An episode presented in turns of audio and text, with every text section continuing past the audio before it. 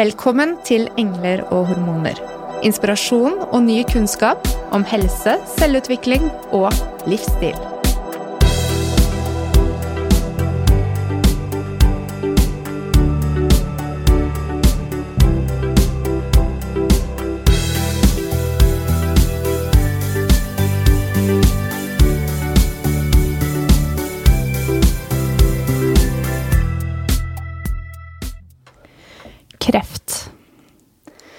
Det ordet er det mange som er redde for. Og det er veldig mange som er redd for å få diagnosen kreft. Da stopper verden opp slik som vi kjente den, og vi ser for oss skrekkscenarioer med tøff behandling og miste hår og død. Men for de aller fleste så er det ikke slik, og det må vi snakke om. Fordi mange føler seg alene og rådville med sine diagnoser, umiddelbart når de får den, under behandling og ikke minst etterpå. Fordi 270 000 mennesker i Norge lever i dag etter å ha fått behandling for kreft, og noen fortsatt har kreft, men de aller fleste lever uten kreft. Hva skjer etterpå? I dag har vi med oss to sykepleiere som så behovet for mer støtte til de som har vært igjennom kreftbehandling. Lotte og Ida startet Kreftkompasset med visjonen å leve, det er mer enn å overleve. Hjertelig velkommen til studio, dere jenter. Tusen takk. Så fortell litt, eh, hvem er dere? Vi er eh, sykepleiere eh, med lang erfaring innenfor kreftomsorgen. Som så et behov for å gjøre noe for kreftpasienter etter at behandlingen er ferdig, sånn som du så fint sa. Mm. Både fordi vi har møtt veldig mange som føler seg veldig alene, med mye bivirkninger, og kanskje også mye tanker som man ikke tar opp hos legen. Det med å liksom miste litt livsgnisten, ikke kjenne igjen kroppen lenger, være trøtt og sliten, ikke orke å gå på jobb alle de der litt sånn myke verdiene som når man kommer til legen, så snakker man mest om det å få Har jeg fått det tilbake eller ikke? Det er det som er fokus da. Mm. Så det å være et tilbud til, til pasienter og pårørende etterpå Vi føler at det er Det mangler noe der, da. Det finnes jo en god del tilbud, men, men det er ikke bra nok. Så hva er det dere gjør da i Kreftkompasset? Ja, det var et godt spørsmål. Nei, altså vi begynte jo egentlig med en podkast, mm. sånn som dere har, for å nå ut til flest mulig. Og så har vi jo Vi har veldig mye tanker da, om hva Kreftkompasset skal kunne tilby. Vi har bl.a. mentorskapet, som vi kan snakke litt mer om etter hvert. Mm. Og så har vi ulike foredrag. Vi har også lyst til å lage ulike reiser, rehabiliteringsreiser, eller egentlig sånn fellesskapsreiser, for kreftoverlevere. Og så ser vi også etter hvert at mye av det kreftpasientene går gjennom, er jo mye fellestrekk med egentlig de som er kronisk syke. Så vi tenker jo også at tilbudet kan være til andre også etter hvert. Men vi må jo begynne et sted. Og det er jo kreftkompetansen vi egentlig innehar, da. Så det er der vi begynner. Mm. Ja, for som du så fint sa i stad, dere har vært lenge i kreftomsorgen. Ja, når startet dere? Hvor lang erfaring har dere? Jeg begynte på Radiumhospitalet i 1997. uh, og jeg er her fortsatt, da. Uh, så det blir noen og 20 år. Uh, Ida, du har jobba med litt mer forskjellig enn meg. Mm. Jeg begynte på Radiumhospitalet. Uh, jobba på avdelingen siden av Lotta, og jobba sammen i sommer og ferier, for da blir jo mange av avdelingene slått sammen. Så jeg jobba der i åtte år. Eh, og så var det en pasient som fortalte meg at eh, du må komme deg til et sted hvor du blir sett for den du er, eh, og ordna meg egentlig jobb i, i et legemiddelfirma som jeg har jobba med, eh, med onkologi. Og så har jeg jobba som kreftkoordinator. Eh, så det er egentlig Jeg har jobba med Lotta, men på en annen side, da, med mm. kreft. Men mye med pasientforeninger og pasienter generelt, da. Mm. Mm. Og nå jobber jeg også som daglig leder i en pasientforening litt, eh, så jeg har halv stilling på Radiumhospitalet, og så jobber jeg i Sarkomer, som er en pasientforening for de med sarkom, da. Mm. Jeg tenker det at um For mange så er dette med å få diagnosen kreft, det er noe som man er veldig redd for. Uh, og, og så er man kanskje også litt usikker på hva er det egentlig som skjer når man får diagnosen. Og vet at det er veldig mange forskjellige typer, og at dere sitter med mye kompetanse. Men kan vi ta en sånn generelt overblikk over hva som skjer når et menneske får kreftdiagnosen? Hva er eh, løpet i hva de kan forvente med helsevesenet? Det var et stort spørsmål. Ja, det er sikkert veldig varierende, men altså når du har en mistanke om kreft, mm. så skal du nå inn i det som heter pakkeforløp for kreft. Mm. Eh, og da så har du vært hos fastlegen din eller eh, på et lokalsykehus eller hvor du nå har vært da, med noen symptomer, og det er mistanke om kreft, så skal du da få et brev hjem der hvor det står at nå er du inkludert i pakkeløp for kreft, og du skal bli innkalt innen denne tidsfristen.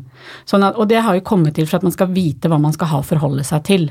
For før så var man litt sånn når ringer de, når, når tar noen kontakt med deg? Og den utredningsfasen er jo helt forferdelig å være i. Det er kanskje den verste tida på mange måter. Jeg tenker det å få et slikt brev hjem i posten, og mm. typisk hvor lang tid frem i tid kan denne undersøkelsesavtalen bære? Nei, da er det snakk om uker ofte. Ja, eh, det, det skal, forferdelige uker. Forferdelige uker. Ja.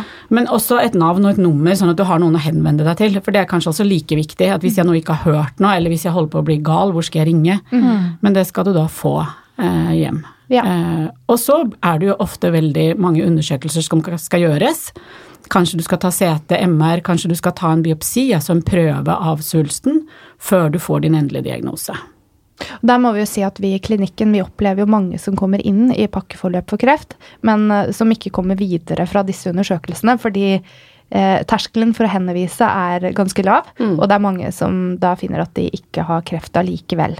Absolutt. Mm. Ja. Veldig mange. Mm. Og det er jo på godt og vondt, selvfølgelig. Kan altså, du utdype det litt? Ja, for jeg tenker sånn Flere som eh, jeg møtte som kreftkoordinator, eh, de tok jo veldig rask kontakt. Og det er en fantastisk tilbud at man har kreftkoordinator, for det hadde man jo ikke for bare noen år siden. Og da får man mange henvendelser om at de har vært hos fastlegen, og da har blitt henvist til pakkeforløp. Og de går jo gjennom akkurat samme prosessen som om da du hadde hatt kreft, selv om du ikke har kreft. Og eh, og de ukene da, som man går i påvente for å få svar på de undersøkelsene som man skal gå igjennom, og får da beskjed om at man ikke har kreft, er like ille for de, selv om de da blir erklært friske, da. Mm. Men det er klart, de har det jo mye lettere etterpå. Men jeg tror, jeg tror for noen så kunne det vært kanskje greit at man nesten ikke hadde blitt inkludert, for da hadde man sluppet de ukene, da, uten å være, føle at man er trua på livet, da. Ja. Eh, men sånn, sånn, generelt sett så er jo, som Lotta sier og er litt inne på, så tror jeg pakkeløpet er fantastisk fint for pasientene. De aller, aller fleste. Men eh, det er klart eh, det er mange som rulles inn som kanskje ikke burde ha vært rulla inn, da. Ja. Mm. Men alt i alt så bidrar det til at flere får riktig diagnose. Ja så tidlig som mulig. Mm, mm. Og da er det jo behandling da, som er neste steg for de som har fått diagnosen en eller annen type kreft. Mm. Uh, og de typiske behandlingsformene man går gjennom, kan du fortelle litt om det, en av dere? Ja, det er jo enten så er det jo operasjon, um, eller så er det strålebehandling, eller cellegift. Og så er det jo nå også kommet immunterapi, som man har hørt mye om, som er en type ja, det er, ikke, det er, jo ikke, cellegift, men det er en annen type behandling som man får som infusjon, da. Ja. Mm. Så hvis man gjennomgår da en operasjon, um, så er det rekonvalesens som etter enhver operasjon, et mm. kirurgisk inngrep. Mm. Uh, hva med stråling? Hva er det man kan forvente av Hva kjenner man på kroppen når man går gjennom eh, strålebehandling? Det er jo litt som å få veldig sterk sol. Eh, at man kan bli sår i huden. At man må passe på det hele tida. Eh, og så er det oftest at man blir trøtt. Og så kan jo strålebehandlingen ha mange bivirkninger på kroppen, litt avhengig av hvor man får strålebehandlingen, da. Men man er jo veldig forsiktig med å gi for store doser. Før i tida så pøsa man bare på. Mm. Men man har sett i dag at det kan gi ganske mange bivirkninger eh, seinere. Sånn at man er veldig nøye med å skjerme organer eh, som man ikke Altså for å beskytte, da. Sånn at man bare stråler akkurat der hvor man må. Eh, og da klarer man jo ofte å unngå en del Men hvilke bivirkninger du får, det er jo helt avhengig av hvor du blir stråla. Ja, for hvis du stråler på maven, så er det klart at da kan du få diaré og, eh, og problemer med magen, men stråler du på en fot, så er det kanskje mer huden og ledd og muskler og sånn man ser på. Mm. Så det er store individuelle forskjeller. Det er det. Og det samme er det vel kanskje også med cellegiften, for det finnes mange ulike former og Det er veldig hvordan stor man forskjell. reagerer. Ja. Mm. Noen er veldig tøffe og gir mye bivirkninger, mens andre kan man nærmest komme seg gjennom uten å merke så veldig mye. Mm. Mm. Og så er det jo flere kreftpasienter også som får flere ulike typer behandling. Mm. Det er det. Så Det er ofte er det jo en kombinasjon. Ikke sant? Ja. Mm. Hva er det man kan forvente å føle da, som pasient gjennom denne prosessen? Dere har jo møtt så mange. ja. Jeg tenker i hvert fall at den der utredningsfasen er ofte veldig vanskelig. Eh, når man ikke vet. Eh, når du først får din diagnose, og du får beskjed om at det her er den behandlingen vi skal ha, så har jeg noe å forholde meg til. Og da vet jeg omtrent hvor lenge det her skal vare, og du har gode fagfolk rundt deg, og du blir kjent med de, og du føler at du har hele tida noen du kan spørre. Du vet hvor du skal ringe hvis det er noen problemer mellom cellegiftkurer eller hva det måtte være. Sånn at det løpet, det er jo mange som sier det, det var veldig vanskelig, men det er tross alt ingenting mot hvordan det var når jeg da var ferdig og tenkte at eh, nå skal jeg gå tilbake til der hvor jeg var, og så går ikke det. Og hvem skal jeg ringe da? Og hvem skal jeg henvende meg til da? For teamet du har hatt rundt deg, det er borte. Eh, og vi har, har hørt flere i det siste som har sagt at i de aller verste stundene så ønsket jeg meg tilbakefall. Og det er ganske sterkt, hvis man tenker på hva de har vært igjennom. At du faktisk, for å få tilbake den støtten og den tryggheten du hadde, så kunne du faktisk nesten tenkt deg å få det tilbake. Og da tenker jeg da har vi en jobb å gjøre, både i helsevesenet og ja, andre aktører på markedet, at her, her er det et hull. Um, for kom- sånn skal det ikke være. Da kommer man tilbake til eh, visjonen deres, å Ja. leve er mer enn å overleve. Hva er det dere kunne ønske um, vi som samfunn visste mer om når det gjelder denne gruppen mennesker? Det er mye. Vi kan godt få en liste. Nei, men hvordan det er å være ferdigbehandla. Ja. Er- Og ja, veldig mange har jo mye omsorg og støtte så lenge du ikke har hår. Ja. Eh, og kanskje da i noen måneder, et halvt år, et år etterpå. Men så tenker vi, tror jeg de fleste, at nå er jo du ferdigbehandla, nå er du tilbake. Og sånn er det jo virkelig ikke. For, altså det er sånn for noen, men for veldig mange så er det da kampen begynner. Og det å ta hensyn til det, og, og vite litt mer om hva hvordan man kan ha det, hvor trøtt man kan være, eh, hvor redd man kan være for tilbakefall. Eh, alle de der eh, tingene som de sliter med, at vi var litt mer klar over det. Arbeidsgiveren var klar over det, Nav var klar over det. Vi som venner og familie var klar over det. Det ville gjort hverdagen så mye lettere for de. For man har jo fått denne beskjeden, da kanskje at du er frisk, eller det var suksess med behandlingen, og alle jubler, og håret vokser tilbake, og det ser kanskje ut som om du er som før.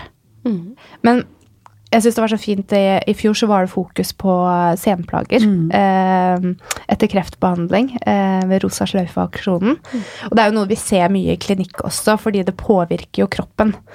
Um, men ikke så synlig. Um, får man på et tidspunkt sånn generelt informasjon om dette når man er ferdig med behandling, er, eller er dette noe som kommer overraskende på de fleste?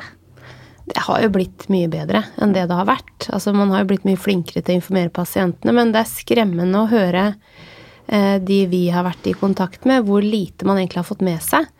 Og mange er jo, når de er, får beskjed om at de er ferdig, eh, så vil man kanskje ikke høre så mye om tida etterpå. Og mange har kanskje fått informasjon, men husker det ikke. Fordi at, som dere sa, at når man er ferdig, og det her var en suksess, så vil man jo bare starte der man slapp. Og da blir det fallet ekstremt stort, for man skjønner egentlig ikke hva som, som plager dem, eller hva som skjer med dem, eh, for de kjenner seg ikke igjen. Så jeg tror at eh, helsepersonell, altså vi må bli mye flinkere til å informere. Jeg tror vi må informere mye oftere eh, idet man får diagnosen, under behandling, etter behandling og på kontroller. For at vi skal få tak i de eh, som faktisk sliter, og kunne hjelpe dem på et mye tidligere tidspunkt. Så nå sitter det sikkert mange lyttere hjemme og vet at de har noen i familie eller eh, nærhet som har vært igjennom en kreftbehandling. Mm. Vi er jo der i Norge nå at det rammer jo stort sett de fleste direkte eller indirekte. Hvordan kan vi eh, som medmennesker eh, være der? Altså, hva, er det, hva er det vi kan gjøre for å støtte de som har vært igjennom en kreftbehandling, eh, for å hjelpe de i denne prosessen? Jeg tror man skal spørre. spørre. -hmm. For det er veldig mange får jo bare høre 'Å, du ser så godt ut'. Og så føler de seg absolutt ikke sånn på innsiden. Så det å spørre 'hvordan har du det nå', selv om det har gått to eller tre eller fire år siden du var ferdigbehandla, og faktisk åpne opp for at jeg skjønner at, at du fortsatt kanskje har problemer etter den behandlingen du gikk gjennom. Og åpne opp for den dialogen og, og gi litt sånn uttrykk for at jeg forstår hvis, eh, hvis det fortsatt eh, eh, plager deg, da. Det er litt som vi snakket om her, at det, det, det forandrer livet, liksom å få barn. Eh, at det, du blir aldri den samme igjen. På, og noen ting kan sikkert være positivt, men, men noen ting vil også være vanskelig å leve med videre. Jeg skal sitere en pasient av meg som har gått gjennom en ganske heftig brystkreftbehandling og erklært frisk, eh, som hun sier eh, Jeg er faktisk glad for at ikke jeg visste om eh, senskadene, fordi jeg tror kanskje ikke jeg hadde hatt styrke til å gå igjennom dette og vite hva som lå der etterpå. Og Én ting er å være medmenneske, men her trenger vi jo helsepersonell. For det er ganske alvorlige eh, bivirkninger det er snakk om. Eh, hvordan veileder dere de som tar kontakt med dere og trenger videre oppfølging? Det spørs jo egentlig akkurat på altså, hva de tar kontakt for. Men eh, vi har jo Det er jo veldig godt støtteapparat rundt oss. Eh, Det fins mange man kan ringe til, men problemet for de, som du sier, de har for pasientene Mange har jo vært og er syke og har jo ikke kapasitet og ork til å ta tak i eh, det de eh, kan få tak i da, av hjelp. Og det er klart at eh, da er det jo å prøve å finne ut hva de trenger hjelp til, og sette dem i kontakt med ekspertisen på det området som de søker hjelp. Men jeg tror hovedproblemet er vel egentlig at de ikke tar kontakt. Fordi at terskelen er så høy for å ta kontakt, for du er jo frisk. Så, Vil du si at det er litt sånn tabubelagt, på en måte? Altså, du har vunnet over kreften, altså vær fornøyd med det, på en måte? Altså at det er litt sånn Du skal være takknemlig da. Ikke sant? Mm. Det er jo mange av de som vi har snakka med i podkasten, og ikke minst det vi møter i, har møtt i klinikken, er jo Altså, de syns jo det er flaut å si eh, at de ikke er takknemlige og glad for å, å være i live. Og, og skal liksom Du skal ikke snakke om det, fordi at eh, de har dårlig samvittighet, da. Fordi at de faktisk ikke er fornøyd med livet sitt. Og jeg kan jo skjønne det. Samtidig så er det jo helt forferdelig, for at de har jo, skal jo kanskje leve 50 år til, da. Og så går du og egentlig ikke kjenner deg, og kjenner deg igjen, da. Ja, og en ting er de der fysiske tingene. Hvis du har eh, fått eh, hjertesvikt eller problemer med nyrene, eller, da er det jo lett å søke hjelp. Lettere, i hvert fall. Men det der med å liksom ha mista livsgnisten, eller ikke kjenne glede lenger, eller gå rundt og ha en sånn lammende angst i hverdagen for at du skal få tilbakefall, hvem skal jeg si det til? Fordi eh, det med energi eh, og stress er jo noe vi har hatt oppe her tidligere i samtaler, eh, som definitivt eh, man kan kjenne igjen hva den type kronisk sykdom, eller har vært igjennom en tøff behandling. Og det, har jo, eh, det er jo mye diskusjoner rundt hva som er riktig og ikke når det gjelder å fokusere på livsstil også, i kombinasjon med dette. fordi når du er såpass langt nede, så kan det jo også være vanskelig å ta gode livsstilsvalg som skal være med å bygge deg opp igjen. Um, finnes det type grupper som kan hjelpe deg i gang med det uh, for eh, fysisk aktivitet, veiledning til kosthold osv.? Altså, Verdesentrene rundt omkring i Norge har jo ganske mange kurs. Uh, og de har kurs om fatigue, og de har kurs om ernæring, og, og de har også mange diagnosespesifikke kurser som man kan melde seg på for å møte og andre med samme diagnose, og da har man ofte veldig mange av de temaene. Eh, og så Du kan jo litt mer enn meg, Ida, om disse kafeene. Eh, Ja, det er jo temakafeer som kreftkoordinatorene rundt i landet arrangerer, og da er det jo ulike temaer, da, selvfølgelig, som de tar opp. Og da er det veldig, vært veldig fokus på det med, med trening eh, og kosthold. Og så veit jeg at pusteromma rundt på de ulike på enkelte sykehus har jo også kliniske ernæringsfysiologer og fysioterapeuter som er på sykehuset, som man til enhver tid kan trene under behandling, etter behandling, eh, til etter seks måneder, tror jeg, etter behandling. Så man kan få veiledning da, og møte folk i samme situasjon. Fordi man vet jo at mange av de kreftpasientene syns jo Altså terskelen for å gå til et treningsstudio er jo stort for mange i utgangspunktet, og det blir jo ikke mindre når du har en del skavanker og egentlig ikke kjenner deg selv igjen, da. Og da kan de arenaene være veldig, veldig fint for de pasientene. Og så er det jo også noen sånne aktive instruktører som fins, som eh, Idrettshøgskolen utdanner eh, instruktører, som også er på ulike sentre. Sats og Elixia har jo noen av de aktive instruktørene som er ute, da, som er gode på å veilede kreftpasienter.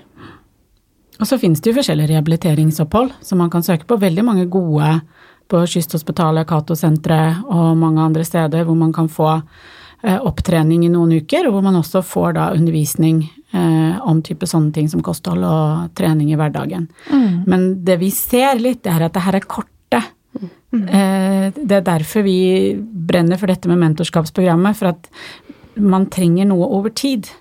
Eh, Det å gå og dra på et rehabiliteringsopphold i to uker, det er kjempefint for å trene opp den foten, eller Men så er du aleine igjen, da. Ja, og det er vanskelig å fortsette i hverdagen. Det er jo ofte det.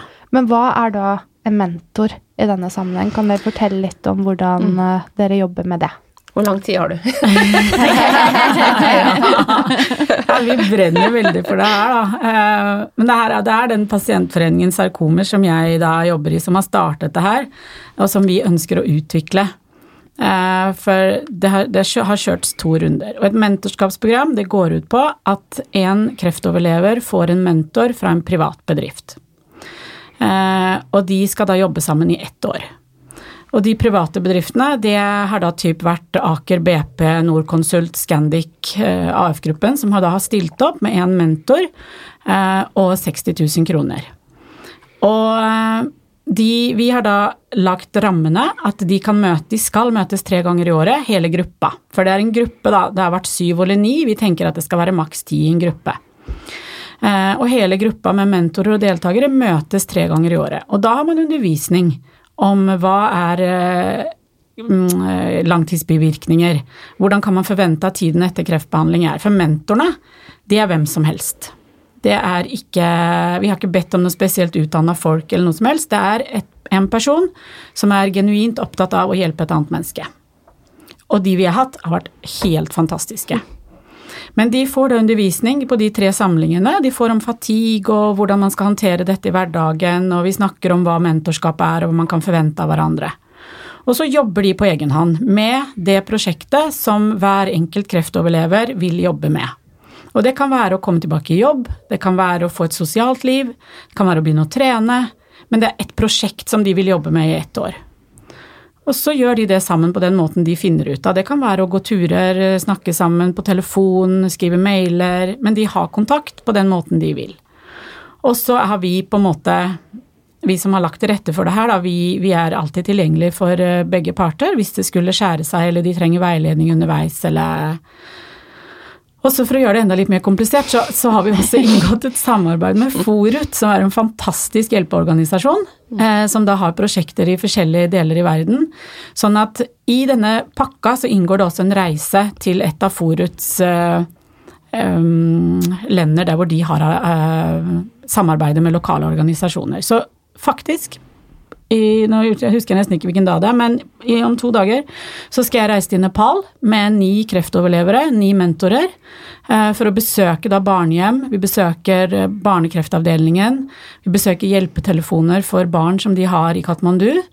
Eh, og så har vi litt sånn vanlige aktiviteter òg, for at det ikke skal bli en sånn kjempetung eh, uke.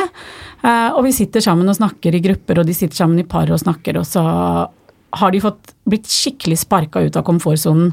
For veldig mange av de her kreftoverleverne blir mye hjemme. De blir veldig trygge i sin egen boble hjemme.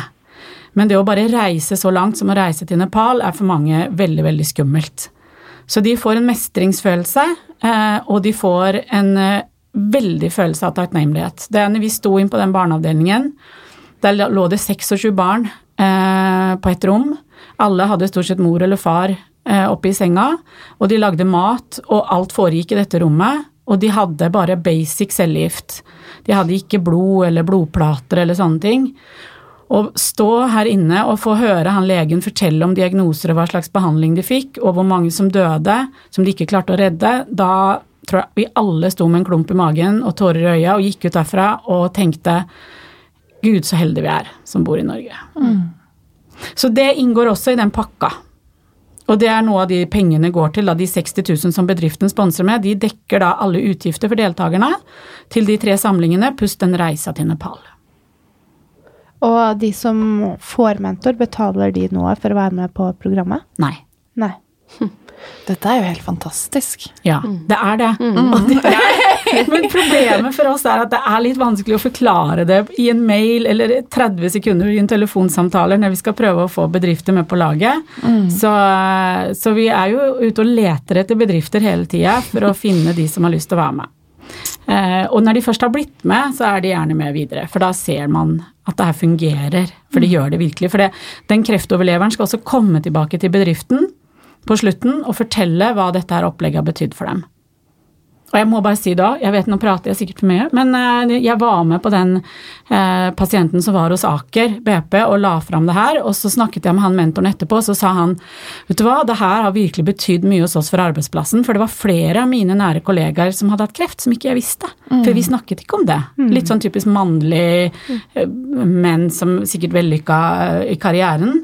Så det å ta opp det temaet, og noen hadde kona, han, han rakk opp hånden og mm. sa til hun pasienten som snakket, du kunne like gjerne vært kona mi. Mm. Mm. For det er akkurat de samme problemene vi sliter med hjemme. Så han sa det, han som har vært mentor der, at det her gjorde at vi nå snakker om ting vi ikke snakket om før, og vi føler oss trygge til å snakke om de tingene. Og da tror jeg at vi faktisk presterer bedre på jobb. For så mange positive ringvirkninger, ja. og åpner opp om eh, et godt arbeidsmiljø og en god kultur på arbeidsplassen. Mm. Hør, hør, alle HR-ledere i ja. store bedrifter i Norge. Oss.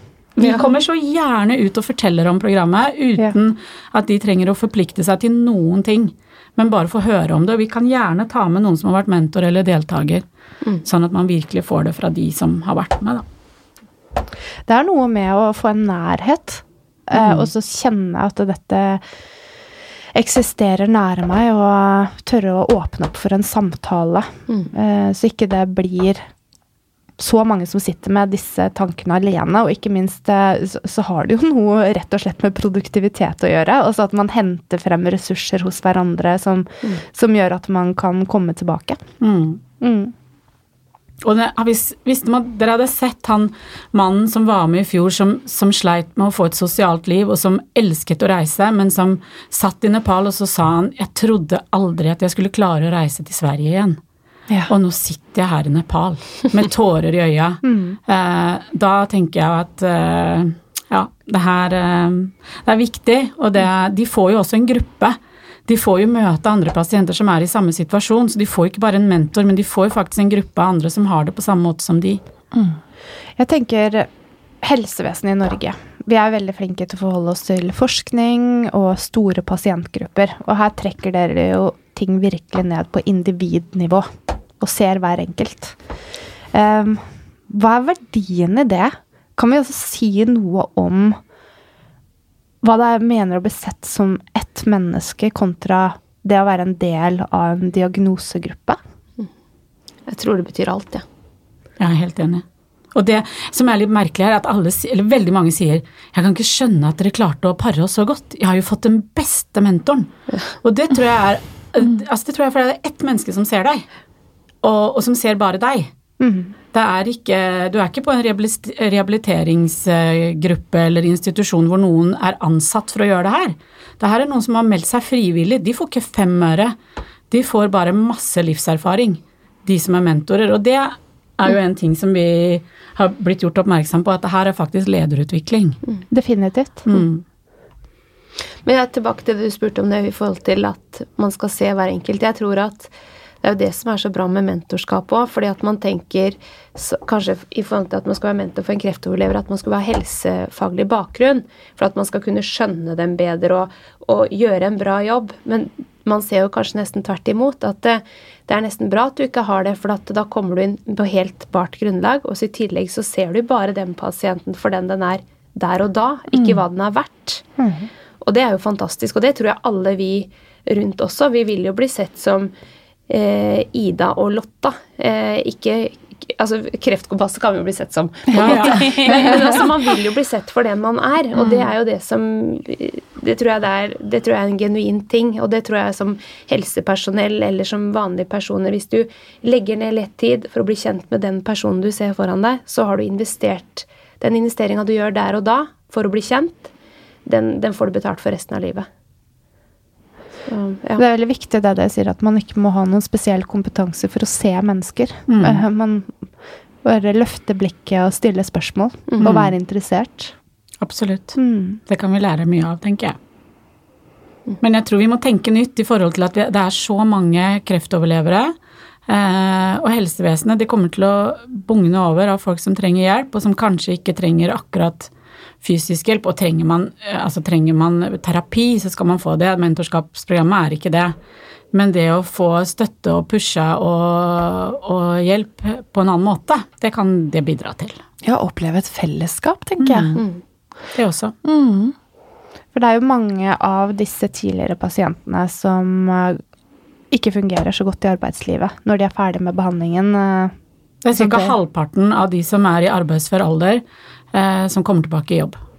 Ja, så 50% som da blir borte fra mm. arbeidslivet. Mm. Hvordan var det med de som var med på mentorprogrammet deres? Var det stort sett de som hadde kommet tilbake til arbeidslivet, eller var de utenfor jobb?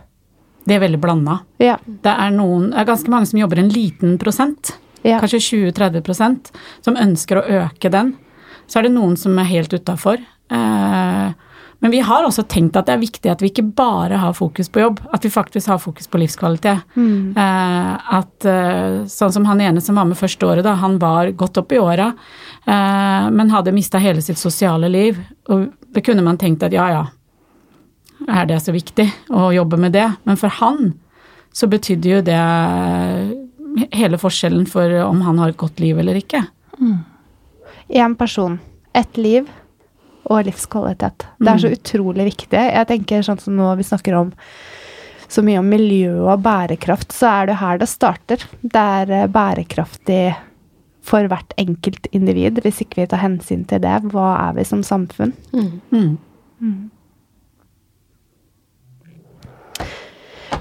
Hvis det er noen som uh, kjenner noen som uh, tenker at dette hadde vært noe for dere, eh, eller at du der hjemme sitter og kjenner at dette kunne vært noe for deg, hvordan får man tak i dere og kommer med på en slik mulighet? Eh, man kan begynne med å gå inn på nettsiden vår på kreftkompasset.no, eh, eller finne oss på Facebook og bare sende oss en melding, så skal vi gi beskjed om hvordan dette ligger an akkurat her og nå. For vi håper jo å få starta opp eh, at det blir flere og flere programmer, da. Mm. Vi har som mål å starte to programmer i høst, eh, og så kanskje enda flere til neste år. Men tanken er at vi ønsker at det skal gå programmer jevnlig, for sånn som det har vært nå, så har vi startet en gang i året. Og det å si til folk som har satt seg ned og skrevet en søknad som går rett inn i hjertet hos oss, at ja, du kan søke gjennom ett år, for du kom ikke med nå, mm. det er vondt. Ja. Så vi håper at dette skal bli noe som skal gå i hvert fall fire ganger i året, mm. er målet, da. Mm. mm. Vi skal i hvert fall gjøre så godt vi kan med å dele, sånn at det når ut til fleste, ja, fleste mm. uh, mulig. Mm. Og for de da som tenker at de skal ta et lite tak på nærmiljøet, uh, så var det nettopp dette med å ha kjennskap til fatigue og viktigheten da av å bli sett og ernæring og sosialt liv, som er noen av de tingene dere har fremhevet som tiltak. Mm. Eh, er det noen flere ting som dere kan tipse pårørende om? At de kan bidra med?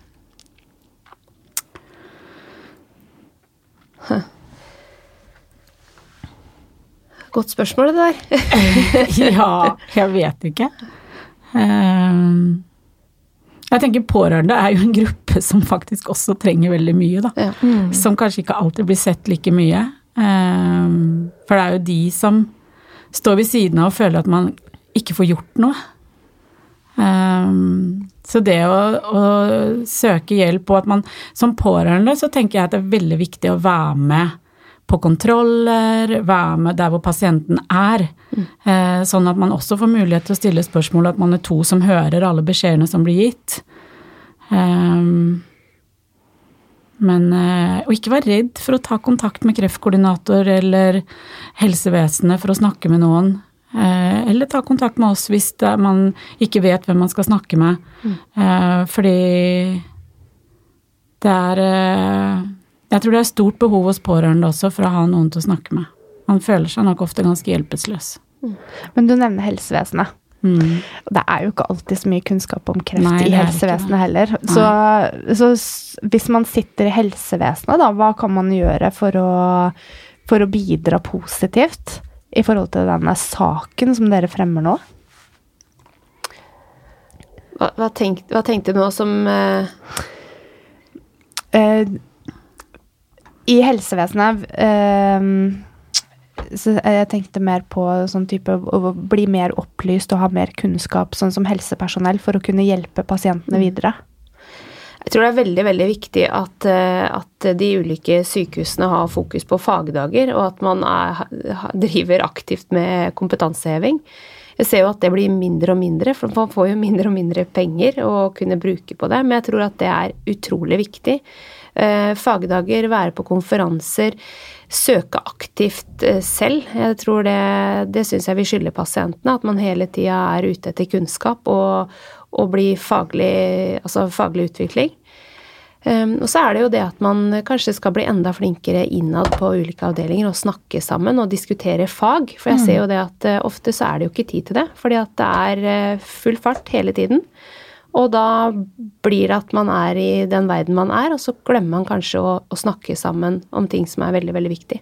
Og det tror jeg er kjempeviktig det du sier nå, Ida. fordi at akkurat det der med som vi snakket om i starten, når skal du informere om, om at livet kanskje ikke blir helt sånn som det var før? Og det tror jeg veldig, vi er veldig uenige om når vi skal gjøre det.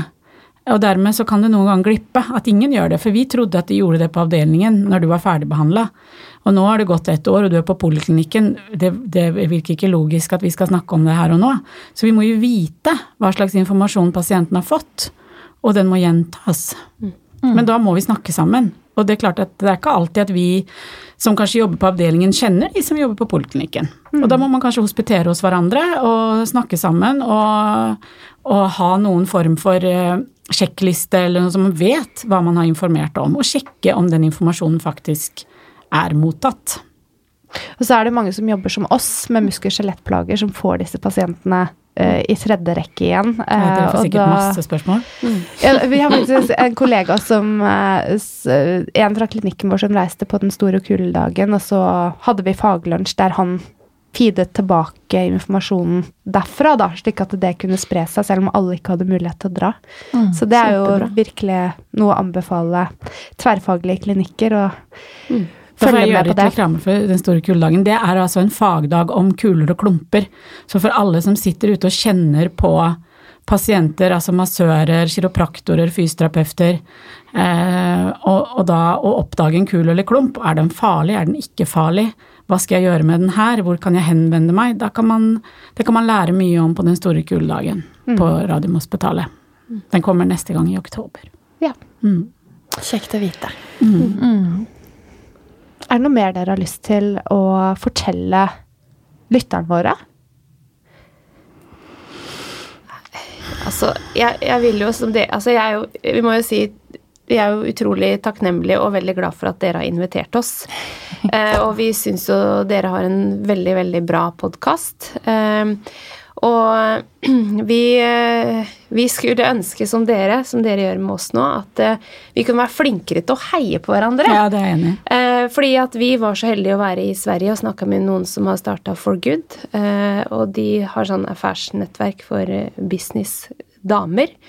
Eh, og vi var så heldige, fordi Lotte hadde vært eh, med tur med dem, å få komme og møte dem, hvor de da bare heier på oss og hjelper oss og setter av tid og, og gir oss tips til å promotere hverandre. Og vi har jo sett når vi har kommet tilbake holdt jeg på å si, til Norge og begynt med det her, at vi er så heldige og har så mange som heier på oss, som støtter oss, som fremsnakker oss, og så kommer dere og spør om vi kan komme og snakke om det.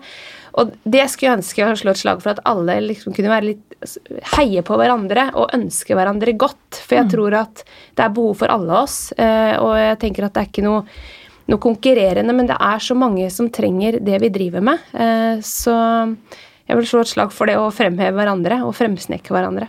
Fremsnakke, heter det. Hverandre. Mm. Ja. Veldig fint. Det er vi helt enig i. Ja, og ja. da tror jeg vi skal slå et slag for at uh, du som sitter der hjemme, går inn og besøker kreftkompasset.no og inn på sosiale medier på Instagram og sjekker ut at kreftkompasset. Gjerne kommenter, del og gjør folk i din nærhet oppmerksom på mm. både muligheten til å utvikle bedriftens eh, kompetanse eh, på menneskelig nivå gjennom mentorskapsprogrammet, og ikke minst at de som trenger å få svar på spørsmål rundt eh, å leve videre og leve et godt liv etter at kreftdiagnosen og behandlingen er ferdig, Eh, at dere kan henvende dere til disse fantastiske mm. jentene. Tusen hjertelig takk for at dere kom til studio her i dag. Og del, del. Komme. Tusen hjertelig mm. velkommen, og lykke til videre ja. for din del. Ditto. ja, takk. ha det godt. Ha det.